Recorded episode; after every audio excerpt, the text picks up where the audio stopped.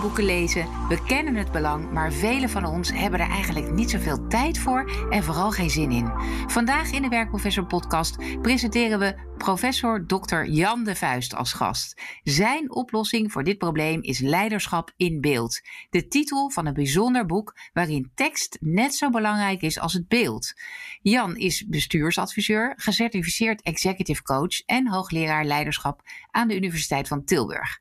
Welkom Jan, leuk dat je er bent. Nou, dankjewel. Inderdaad leuk. Je schreef het boek niet alleen, je schreef het samen met Donate Steunen en doctorandus Stans Rijpma. En jullie hadden een belangrijke uh, co-partner, Erik Kolen, die de illustraties maakte. Mijn naam is natuurlijk Wendy van Ierschot. Ik ben jullie host van vandaag. En Jan, even om de luisteraar goed duidelijk te maken. Hoe ziet het boek eruit en waar gaat het over?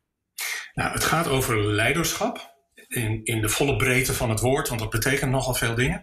En het ziet er anders uit dan je gewend bent van dit type boeken. Het is bijna helemaal vol geïllustreerd en er staat natuurlijk ook tekst in. Ja, ik vond het zelf echt inspirerend. Aan het begin moest ik even wennen. Dat ik dacht, hé, hey, wat is de structuur van het boek en hoe navigeer ik hier doorheen? Uh, maar jullie hebben een hele duidelijke uh, opmaak gekozen. En het is echt ook gericht op de beginnende leidinggevende. Ik geloof ook dat dat meespeelt. Dat je de nieuwe generatie ook vooral wilde aanspreken. Ja, we zitten in heel veel leiderschapsprogramma's of mensen die een volgende stap maken in hun carrière en dan voor nieuwe leiderschapsuitdagingen komen te staan.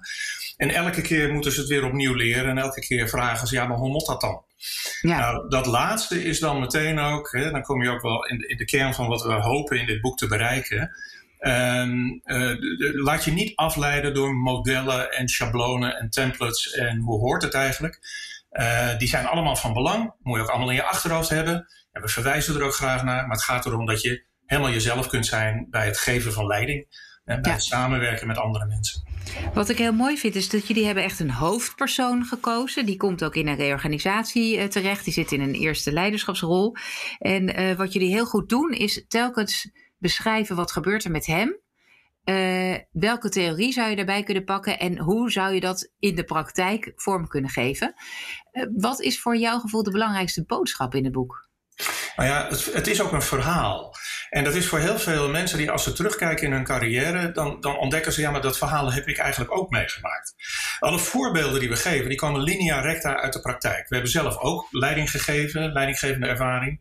Maar we zijn ook als adviseurs lopen we veel in organisaties rond. We doen echt niet alleen maar opleidingsprogramma's. En dan krijgen we al die verhalen langs. En het is elke keer weer een klein avontuur. Nou, dat avontuur, dat doen we recht door er ook inderdaad een verhaal van te maken. Ja. En voor de echte liefhebbers, er zit ook echt een verhaalstructuur onder. Hè? Allemaal stappen van de held, het verhaal van de held. Ja. Uh, maar intussen maakt die leidinggevende van alles en nog wat mee. Wat je in de praktijk tegen gaat komen, van weerstand tot en met succes. En van uh, boosheid bij jezelf tot en met onverklaarbare uitbarstingen van mensen in je omgeving. Maar gelukkig ook dingen die goed gaan. Ja, ja en um, als ik het goed begrijp, willen jullie ook vooral. Uh, zit de boodschap er ook in dat je vooral bij jezelf moet blijven? Waarom vind je dat zo belangrijk? Ja, dat is wel iets wat ook in modern leiderschap in toenemende mate belangrijk blijkt te zijn. En we komen natuurlijk eigenlijk uit een periode, je zou het kunnen noemen de Anglo-Saxische periode, waarin de modellen en de blauwdruk leiding, leidend waren voor wat je te doen had in een organisatie. En dan kreeg je ook mensen die zeiden: ik, ben, uh, ik geef leiding aan een afdeling of ik geef leiding aan een project. Nou, daarvan willen we toch wel graag duidelijk maken: leiderschap, dat is het voor elkaar krijgen van dingen natuurlijk, maar altijd via en samen met andere mensen. En je geeft dus niet leiding aan een project, maar aan de mensen die samen van dat project een succes proberen te maken. En je geeft niet leiding aan een afdeling, maar je geeft leiding aan de mensen die samen die afdeling vormen. Dus altijd mensenwerk. En dat is in het verleden wel eens vergeten. En dan ging, ja, de, de aanname was eigenlijk dat de organisatie toch vooral bestond uit blauwdruk. En dat mensen zich moesten gedragen conform de blauwdruk. Ja, klassieke economen die zeiden dan ook altijd, nou dat kan ook wel. Want mensen zijn rationele wezens. Dus als je ze één keer uitlegt hoe het moet, ja, dan moeten ze het gewoon zo doen. Nou, dat is nooit helemaal waar geweest. Maar dat, dat is toch echt wel, daar kijken we tegenwoordig toch echt wel heel anders naar. En ook al, ook al geruime tijd hoor. Wetenschappelijk staat dat al 30 jaar vast. Ja, en wat betekent dat nou eigenlijk bij jezelf blijven? Wat, wat is dat? Nou ja, dat betekent dat je, je leiderschapsstijl een verlengde is eigenlijk van je eigen karakterstructuur. Daar wisten ze in de oudheid al. Daar werd in de oudheid al over geschreven dat de mate waarin je jezelf kent, is bepalend voor de manier waarop je leiding geeft. Nou was in die tijd leiderschap ja, dat had iets te maken met het leger of met de staat. En tegenwoordig wordt het ook gebruikt in het bedrijfsleven of voor ondernemerschap. Hè? Dus het woord leiderschap wordt op heel veel losjes gebruikt. Maar elke keer opnieuw, de mate waarin je jezelf kent, is wel bepalend voor het succes waarmee je gaat leiding geven. Dus al die mensen die een cursus doen om een bepaalde leiderschapsstijl te leren vertonen, krijgen eigenlijk ja, les in toneelstukjes. Ik wil er geen karikatuur van maken, want er worden daar ook echt wel hele serieuze dingen gedaan. Maar je kunt niet leiding geven op een manier die niet bij jou past. Nou ja, als dat zo is, kun je maar beter aandacht besteden aan jezelf. En ook aan je eigen emoties en aan je eigen weerzin en aan je eigen enthousiasme. Waar word jij kan nou je van? Kan je een voorbeeld geven van jezelf, waarin je dat ja, waarin jij ook hebt gemerkt van hé, hey, ik probeer iets te doen wat eigenlijk in een model staat, wat ik zou moeten doen, en dat past eigenlijk helemaal niet bij me? Ja, ik heb dat in het verleden. Ik heb natuurlijk net zo hard mijn neus gestoten als uh, de hoofdpersoon in dit boek. En ik heb ook wel eens geprobeerd samenwerking tussen mensen aan wie ik leiding gaf uh, af te dwingen. En als ze dan dat niet deden, of ze, ja, volgens mij deden ze net alsof ze het niet begrepen en begrepen ze het verdraaid goed. En dan dacht ik in mijn achterhoofd al, wat ben toch ook eigenlijk al een stel sukkels. Ja, dat helpt niet als je zo als leidinggevende tekeer gaat. Pas later kwam ik erachter dat dat te maken had met een bepaalde stijl van bij mezelf. Ik was veel te snel. Niet, niet, niet in de zin van te ongeduldig of zo. Dat, dat, dat, is vaak een moderne manier om jezelf een compliment te geven. Nee, ik was veel te snel. Ik lette niet goed op. Ik luisterde gewoon niet goed. Dat zat niet in mij. Nou, ik wel moeten leren. Ja.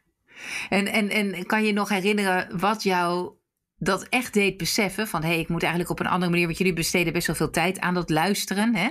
Uh, dat je, uh, ja, waar, wanneer besefte je van hé, hey, dat luisteren, dat is wel iets waar ik echt aan moet werken of beter moet maken? Ja, ik heb um, op een gegeven moment natuurlijk ook allerlei leiderschapsopleidingen gedaan. En op een gegeven moment kwam ik ook iemand tegen en had ik weer een mooi verhaal verteld over waar ik allemaal mee bezig was. En die zei tegen mij, ja, ik hoor wat je zegt, maar ik geloof er niks van. En daar schrok ik een beetje van. En toen dacht ik, maar wat, wat bedoelt hij nou eigenlijk? Ik vond het ook eigenlijk wel leuk. Dus ik reageer gunstig als mensen me uh, rechtstreeks confronteren. Daar hou ik van. Ja. Dus zelf ook een beetje provocatief, een beetje, een beetje confronterend. En toen dacht ik opeens, waar gaat dit nou toch over? En ja, vanaf dat moment ben ik toch rustiger geworden. En heb ik geleerd dat, dat ik beter op mezelf moet letten op het moment dat ik effect om me heen wil bereiken.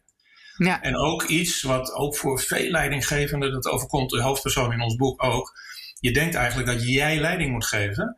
Maar leiderschap is natuurlijk een functie van de hele groep, van het hele team. Waarin jij als leidinggevende wel een bijzondere rol hebt. Maar het is echt niet zo dat jij in je eentje leiding gaat geven. Dat jij in je eentje de dingen voor elkaar gaat brengen.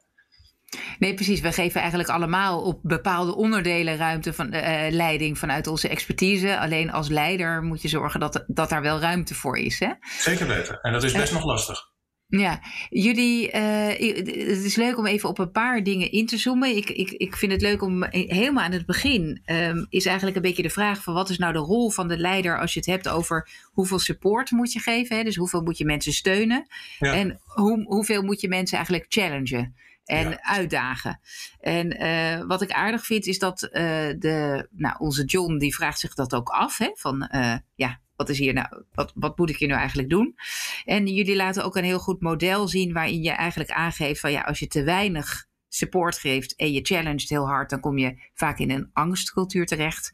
Ja. En als je te veel support geeft en te weinig challenge, dan raken mensen een beetje verwend. Precies. Soms denk, ja. soms denk ik wel eens met de nieuwe huidige generatie gebeurt dat een beetje. Hè? Dat we alles ja. maar willen doen om hun uh, naar binnen te trekken. Terwijl je toch je ook kan afvragen of je daar niet de hele uh, verwende medewerkers van krijgt. Um, ja. Ik kan me voorstellen dat dit ook iets is wat wel of niet in je karakter zit. Dat je meer supportive bent of meer challenge. Dus kan je naar aanleiding daarvan nog eens een keer uitleggen van hoe werkt zo'n model? Dan eigenlijk ten opzichte van wat je eigen persoonlijke voorkeur is en hoe je daarmee omgaat. Nou, dat is iets wat we ook heel vaak gebruiken. Dat we, als we dit model uitleggen, zeggen we ja, dat zal, dat, hè, ik kan wel duidelijk maken dat die balans tussen challenge en support heel belangrijk is. Dat neemt iedereen ook eigenlijk wel aan. Maar als je vervolgens vraagt, wat is nou eigenlijk voor jou een challenge en wat ervaar jij als support? Jij zelf als leidinggevende, dan weten heel ja. veel mensen dat niet. Nee. Dus ik, ik weet zelf dat wat ik als support ervaar, is dat ik met rust gelaten word. Maar er zijn ook mensen die willen graag support geven door je de hele tijd te vertellen wat je zou moeten doen. Die willen helpen. Nou, voor mij of voor, voor mensen zoals ik, hè, ik wil het niet alleen maar op mezelf betrekken, maar zo werkt dat nu eenmaal. Voor mij is de vraag van iemand van joh, zal ik je helpen, is bijna een belediging. Ja. ja daar reageer ik niet gunstig op.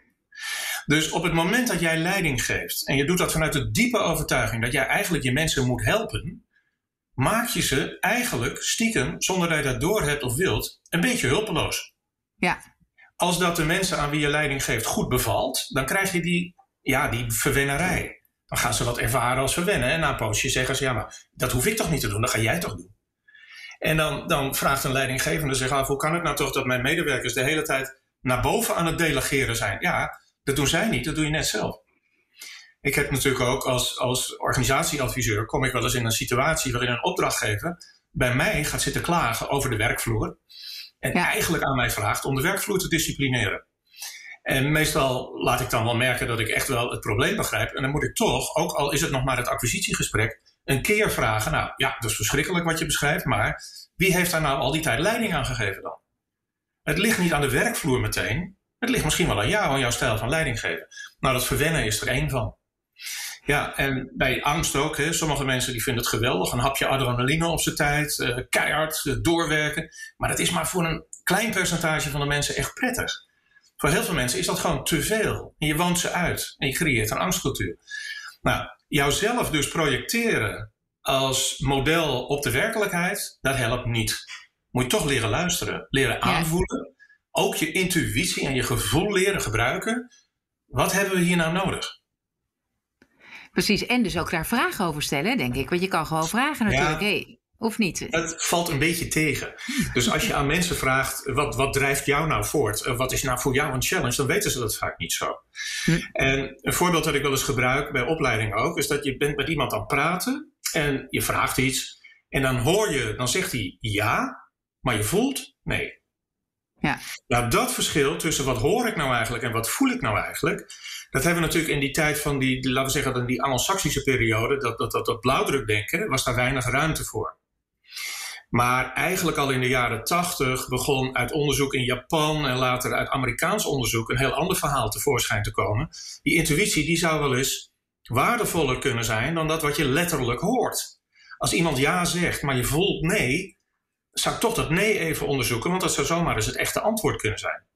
Maar dan krijg je rond de eeuwwisseling krijg je ja, Nobelprijzen die hiervoor uitgereikt worden. onderzoek aan de Universiteit van Tel Aviv van Kahneman en Tversky, die kregen een Nobelprijs. Omdat zij voor het eerst zeiden, nou, wij zijn helemaal geen homo economicus. We maken niet de hele dag berekeningen. Wij doen dingen omdat we ze op een bepaalde manier aanvoelen. Omdat het in onze persoonlijkheid zit. Daar moeten we eigenlijk op leren letten. Ja, voor klassieke economen was dat slecht nieuws. Maar niet heel veel later werd het eigenlijk linea recta bevestigd vanuit de neurologie. dus leiderschap hebben tegenwoordig heel veel hulpmiddelen uit de neurologie. En vroeger wisten we het niet. Maar, en dat maakt ook dat je, ja, dat maakt ook dat jullie het zo belangrijk vinden dat je vooral jezelf leert kennen in hoe jij leiding geeft en daarmee ook eigenlijk meer open staat voor de verschillen bij anderen. Zo is dus het. Dat je, ja. en dus je gaat werken met dan ook diversiteit. Hè? Dus in het Anglo-Saxische denken werken we met uniformiteit. Als je één keer bij dezelfde afdeling werkt, heb je ook hetzelfde salaris, dan krijg je dezelfde opdrachten, dezelfde taken, bevoegdheden, verantwoordelijkheden, schablonen, templates, allemaal hetzelfde. Maar intussen weten we natuurlijk dat het werken met diversiteit, dat is misschien wel een stuk ingewikkelder, maar het loopt wel beter hoor. Ja, ja uiteindelijk uh, worden we er robuuster van. Hè? De bedrijven worden er steviger van. Uh, bedrijven worden er robuuster van. Samenwerkingen lopen natuurlijker. Ja. En heel veel van wat we daarvan weten, weten we uit de militaire wereld of uit de sportwereld. Nou, dan gebruiken ze geen schablonen. Nee. Uh, jullie gebruiken ook, uh, want, want het verhaal eigenlijk van onze hoofdpersoon John, die maakt van alles mee. Een van de onderdelen in het verhaal gaat over SCARF, S-C-A-R-F. Uh, Het leek me aardig om dat even te bespreken, ook om mensen een gevoel te krijgen waar het boek over gaat. Wat is het verhaal waar dit over gaat? Ja, eigenlijk is dit een van de bijdragen die ik net noemde uit de neurologie. Dus jarenlang is een interessante vraag geweest bij leiderschap. Wanneer raken mensen nou van de leg? Wanneer weten ze niet meer hoe ze verder moeten? Er is ook eindeloos veel studies naar gedaan, jaren 60 vorige eeuw. En toen kwam in 2008 een heel interessant artikel uit van meneer David Rock, kwam uit Amerika. En die had ontdekt dat er eigenlijk maar vijf sociale situaties zijn waarin mensen van de leg raken. Waarin ze eigenlijk al hun werk, hun primaire taak uit hun handen laten vallen. En dat moet eerst opgelost worden en dan kunnen ze pas verder. Nou, die SCARF-theorie, die SCARF, dat is een acroniem en dat staat voor status. Dat is dan de ja, de, de relatie die je hebt ten opzichte van andere mensen in je omgeving. De C die staat voor certainty. Je wil graag weten waar je aan toe bent. De A die staat voor autonomie. Je wil wel zelf beslissingen kunnen nemen. De R staat voor relatie. Wat is eigenlijk de aard van de relatie die ik heb met jou? En de F die staat voor fairness, eerlijkheid. Is dit wel eerlijk? En hij koppelde dat aan de manier waarop wij omgaan met fysieke pijn. Het wordt ook, heb ik me laten, maar ik ben geen neuroloog, hè, maar ik heb me toch wel laten vertellen, en dat stond ik in dat artikel, ik heb dat later ook bij neurologen nagevraagd. Deze dingen worden verwerkt in hetzelfde deel van je brein als waar je daadwerkelijk pijn voelt. Ja, toen was natuurlijk die term sociale pijn al gauw geboren. En dat betekent dus dat als je iemand in onzekerheid laat, om maar een voorbeeld te noemen, dan, dan, dan ontstaat er een soort piramide van Maslow. Je weet wel, zo'n opeenvolging van dingen die je moet doen om weer ja, tot, tot, tot je recht te komen, tot weer aan het werk te kunnen. Een van de diepe behoeften is dat je geen onzekerheid hebt. En dan laat je dus je werk uit je handen vallen en dan ga je zoeken naar zekerheid. Als je dat nou één keer weet als leidinggevende, is het even oppassen geblazen. Want mensen vertalen dat vaak naar duidelijkheid. Ik wil een nieuw plan. Ik wil precies weten hoe dit in de blauwdruk is geregeld. En dan, nou, dan ga je dat doen. Hè? Je werkt een nacht door, je maakt een nieuw plan. Maar dat is eigenlijk heel raar gedrag. Want het vorige plan was toch ook oké? Maar wat mensen in die omgeving kennelijk waar het hen aan scheelt, is dat ze zich onzeker voelen. Maar kun je dus als leidinggevende veel meer effect bereiken door hen te leren omgaan met die onzekerheid? Of aan die onzekerheid een eind te maken? Dan nog meer duidelijkheid te bieden in nog meer regels, nog meer blauwdruk. En je komt in een soort, wat, wat dan in mijn vakgebied een blauwe neurose heet terecht. Ja, dat is altijd heel ingewikkeld. En wij hebben er ook een keer een podcast over eh, opgenomen. Dat het veel beter is om bij wijze van spreken de zekerheid te geven dat dit nog onzeker is. Hè? Dus van dit weten we. Dit gaan we in ieder geval zo aanpakken. Maar goed, er zijn, nou, de coronacrisis leert ons dat natuurlijk al helemaal. er zijn een aantal factoren die we niet in de hand hebben, waarvan we het niet weten. En, die, en als je maar schetst dat je dat op het netvlies hebt, dat je weet. Deze factoren weten we niet helemaal. We zijn er naar aan het kijken. Ik verwacht dat ik over een week, twee weken daar meer duidelijkheid over heb. Dan kom ik meteen bij jullie terug. Dat schept, schept eigenlijk ook zekerheid. Dat mensen denken: oké. Okay, dan zekerheid nou, op een metaniveau. Ja, en, dat is, en dat is wat ik ook meemaak bij grote reorganisaties in bedrijven. Dan heb je een leidinggevende, die weet het zelf ook niet. Laten we eerlijk zijn, die grote reorganisaties die zijn ook verdomd ingewikkeld. Ja, er zijn meer variabelen dan een mens aan kan. Dus dan kun je ook de leidinggevende niet kwalijk nemen. Dat hij het ook niet helemaal weet. Nee. Maar je kunt wel van de leidinggevende vragen om alert te zijn op die signalen van onzekerheid. Opnieuw, die kun je niet altijd horen, maar je kunt ze wel degelijk voelen. En als je één keer snapt dat dat aan de gang is, dan geef je zekerheid op het metaniveau met de voorbeelden die jij zo net geeft. Ja, ja, leuk. Dus zo kunnen we dat model SCARF. Ik, ik vond het een goed voorbeeld, want dat is echt wetenschappelijk onderbouwd. Gebruiken jullie in jullie boek. Jullie laten ook eigenlijk zien hoe John, de hoofdpersoon, daar dan mee om kan gaan. En het gaat dus uh, over dat we ja, uh, weten op basis van welke als je iets doet met de status van mensen. Ik zeg altijd, uh, bijvoorbeeld als je iemand benoemt, dan benoem je ook altijd iemand niet. Of misschien wel twee mensen niet, of drie mensen niet in een nieuwe rol. Dus het is wel belangrijk om ook even aandacht te besteden aan de mensen die je niet benoemt. Zodat zij niet in die onzekerheid schieten als het gaat bijvoorbeeld om status. Van hé, hey, ben ik nu ineens minder dan die persoon, terwijl ik dacht dat we op hetzelfde niveau zaten. Zeker. Ergens diep in je brein heeft dit te maken met uh, thema's als inferioriteit en superioriteit. Ja. En, en, niemand wil inferieur zijn, of je moet wel een hele bijzondere liefde voor inferioriteit aan de, uh, hebben. Maar waar je, waar je vaak mee te maken krijgt, is dat bijvoorbeeld iemand benoemd wordt tot leidinggevende van wat vroeger zijn collega's waren. Dat overkomt John op een gegeven moment ook. En dat is altijd een, een ingewikkeld moment. En dan, ik maak dat in mijn coachpraktijk ook wel mee. Dan komt iemand bij je en die vraagt dan: hoe moet ik nou leiding geven aan mijn collega's? En daarop is het antwoord eigenlijk vrij eenvoudig. Dat kan helemaal niet. Het zijn namelijk je collega's niet meer. Die status is veranderd. De vraag is wel: heb je al afscheid genomen? Ja, maar dat was niet de bedoeling. Nee, want zij wilde ook dat ik leidinggevende werd. Ja, dat is ook zo. En er was geen verkeerd woord bij hoor. Dat, dat was ook eerlijk, dat was oprecht van al die collega's. Maar er staat een termijn voor, binnen een week of zes beginnen de verhalen over jou te komen. Het zijn je gelijken niet meer. Nou, dat dealen met inferioriteit en superioriteit is zeker in zo'n egalitair land als Nederland best een ingewikkelde. Maar psychologisch zijn het drijfveren die mensen behoorlijk uh, ja, kunnen storen. Hè, waardoor de samenwerking gaat haperen, besluiten komen niet meer goed tot stand. Ja, als je daar als leidinggevende je bewust van bent en je weet wat je vervolgens te doen hebt, dat is wel, wel een genot hoor, als dat, als dat lukt. Ja, als je dat weet inderdaad. Ik kan me nog herinneren dat ik zelf leidinggevende werd en dat ik van de een op de dag, andere dag niet meer de roddels hoorde. Uh, Wat mensen overal van vonden. Terwijl ik dacht, ik ben echt gewoon exact dezelfde persoon als gisteren, toen ik ze wel hoorde. Ja, maar je uh, zit op een andere plek. Ik heb altijd. Precies, ja. Ik zit op een andere plek. Ik heb vaak gemerkt dat uh, mijn, mijn, mijn secretaresse, want dan had ik in mijn leidinggevende posities had ik wel iemand die die, hield mijn agenda bij, maar die deed veel meer dan dat. En bijvoorbeeld het secretariaat hoort de roddels wel. Ja. En als je dat, dan moet je niet, die roddels moet je dan niet doorgeven. En soms zijn het ook gewoon roddels. Maar het is wel fijn om iemand te hebben in je buurt met diepe antennes in de organisatie. Want jij hoort het niet meer. Nee, precies, waar je dan echt ook naar kan luisteren. Ja, ja. heel goed. Um, Jan, wat zou je nou echt willen dat als boodschap overkomt voor jonge mensen die dit boek lezen?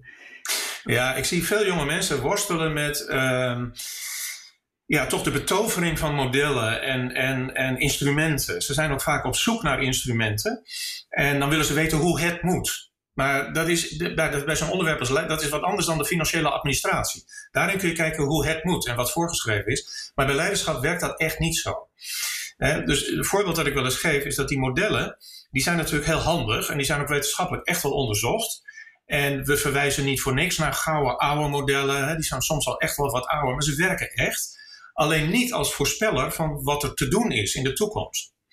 Hè, dus eh, ooit een keer las ik dat we hebben zo'n model van uh, groepsontwikkeling. Hè, waarbij ja. ze zeggen we gaan forming en dan storming, storming en, dan en performing. En ja. Van meneer Tuckman uit de jaren 60. Nou, ja. Het is één van veel van dat soort modellen. Het zal wel onthouden worden omdat het zo leuk rijmt en zo. Maar ze hebben dat eens een keer uitgefigureerd. En nog geen 2% van de teams houdt zich aan dat model, zou ik maar zeggen. Nee. Dus om dat als model te gaan gebruiken is eigenlijk zonde van je tijd. Maar het is wel fijn om het in je achterhoofd te hebben om te snappen, ja, waar heb ik nou eigenlijk mee te maken?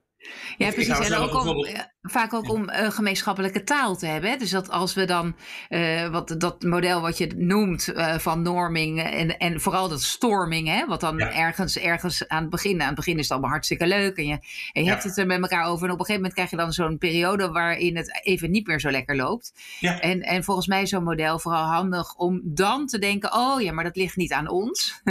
dat is gewoon een groepsproces waar we in zitten en daar horen wij doorheen te gaan. En dan, dat is anderen ook overkomen, ja. Precies, ja, en onschuldigen we elkaar. Dan, kan je, dan denk je, oké, nou zo werkt het dus. Hé, hey, uh, we moeten nu meer met elkaar gaan afstemmen. We moeten even uh, vaker bij elkaar komen. Uh, ja. Dit is logisch.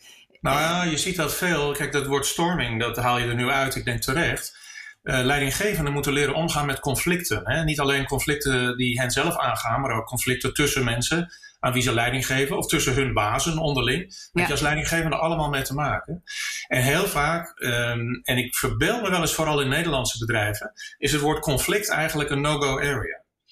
En dan zeggen mensen tegen elkaar, nou, we moesten elkaar nog maar eens goed in de ogen kijken. Maar dat bedoelen ze eigenlijk, ja, we zouden eigenlijk eens ruzie moeten maken. Ja. Of, uh, nou, of ik dan, zou jou de waarheid moeten zeggen, niet andersom. Ja, iemand zou, of de waarheid zal in het midden leggen. Dat zeggen ze ook wel eens. Maar dat is natuurlijk nooit waar. De waarheid ligt nooit in het midden. Nee. Nou, dat, dat, die conflictvaardigheden, die horen er wel bij. En ook daar heb je dat jargon voor nodig. En dan helpt het, zeker als het opwindend wordt, als je zelf ook afgeleid wordt. En het, ja, conflicten zijn ook niet altijd leuk, laten we eerlijk zijn. Maar allemaal bang voor gezichtsverlies. Je kunt er zenuwachtig van worden. En dan moet je toch even tot tien tellen. En terwijl je tot tien zit te tellen, kun je nog even weer aan zo'n modeldenken in je achterhoofd. Dat je een paar vinkjes kunt zetten. Maar ja, daarna zul je zelf echt aan het werk moeten. Dus het volgen van een model is eigenlijk zelden nog nooit uh, uh, vruchtbaar. Dicht bij jezelf blijven en jezelf als model gaan zien, jezelf als instrument. Ik weet, dat is een vreselijk cliché, maar ja, uh, het is niet voor niks een cliché, zeg ik dan maar. Ja. Uh, je bent zelf uiteindelijk het instrument. En vandaar dat die zelfkennis zo belangrijk is, waar we het in het begin al even over hadden. Ja, nou en ik vind ook bijvoorbeeld, om even terug te grijpen naar dat voorbeeld van helemaal aan het begin van de podcast, uh, dat, dat model van hoeveel uitgedaagd wil je worden en hoeveel support heb je eigenlijk no Ja. nodig. En dat dan de theorie natuurlijk aangeeft dat je en veel support en een grote challenge, dat dat eigenlijk de beste combinatie is voor uh, een groeicultuur. Ja. Maar dat bij mezelf ontdekken van, hé, hey, hoe werkt het eigenlijk bij mij? En precies wat jij toen zei van, ik wil eigenlijk niet dat iemand zich met mij bemoeit, want dan raak ik eigenlijk geïrriteerd. Uh, Bijvoorbeeld. ik heb bijvoorbeeld, als je bij mij mijn werk gaat nakijken de hele tijd, dan denk ik, weet je wat jij moet doen? Doe het lekker zelf. Ja, Eh, dus dan ga ik- agressie, hè? Ja. Ja, nee, ja dan, ga ik juist minder doen, want dan denk ik, jij gaat toch nog nakijken, dus dan hoef ik Ja, niet nee, echt op te letten. ja, dan krijg je jeuk aan je middelvingers. Hè? Dus het is ook vingerspitsengevoel film. Dat is wel, ja, maar wel een andere, ja precies. Ja, weer een andere. Um, maar goed, juist dat leren herkennen door die modelletjes. Dat je denkt van, hé, hey, hoe zit ik ja. er eigenlijk in? Wat, wat is voor mij belangrijk? En dan zijn er dus kennelijk ook nog andere mensen die daar anders in zitten. Dat, uh, ja. dat helpt ook vaak. Ja. ja. mooi is dat. Wat was het moeilijkste aan de samenwerking? Want jullie hebben met best een aantal mensen het boek gemaakt. Wat vond je het lastigst?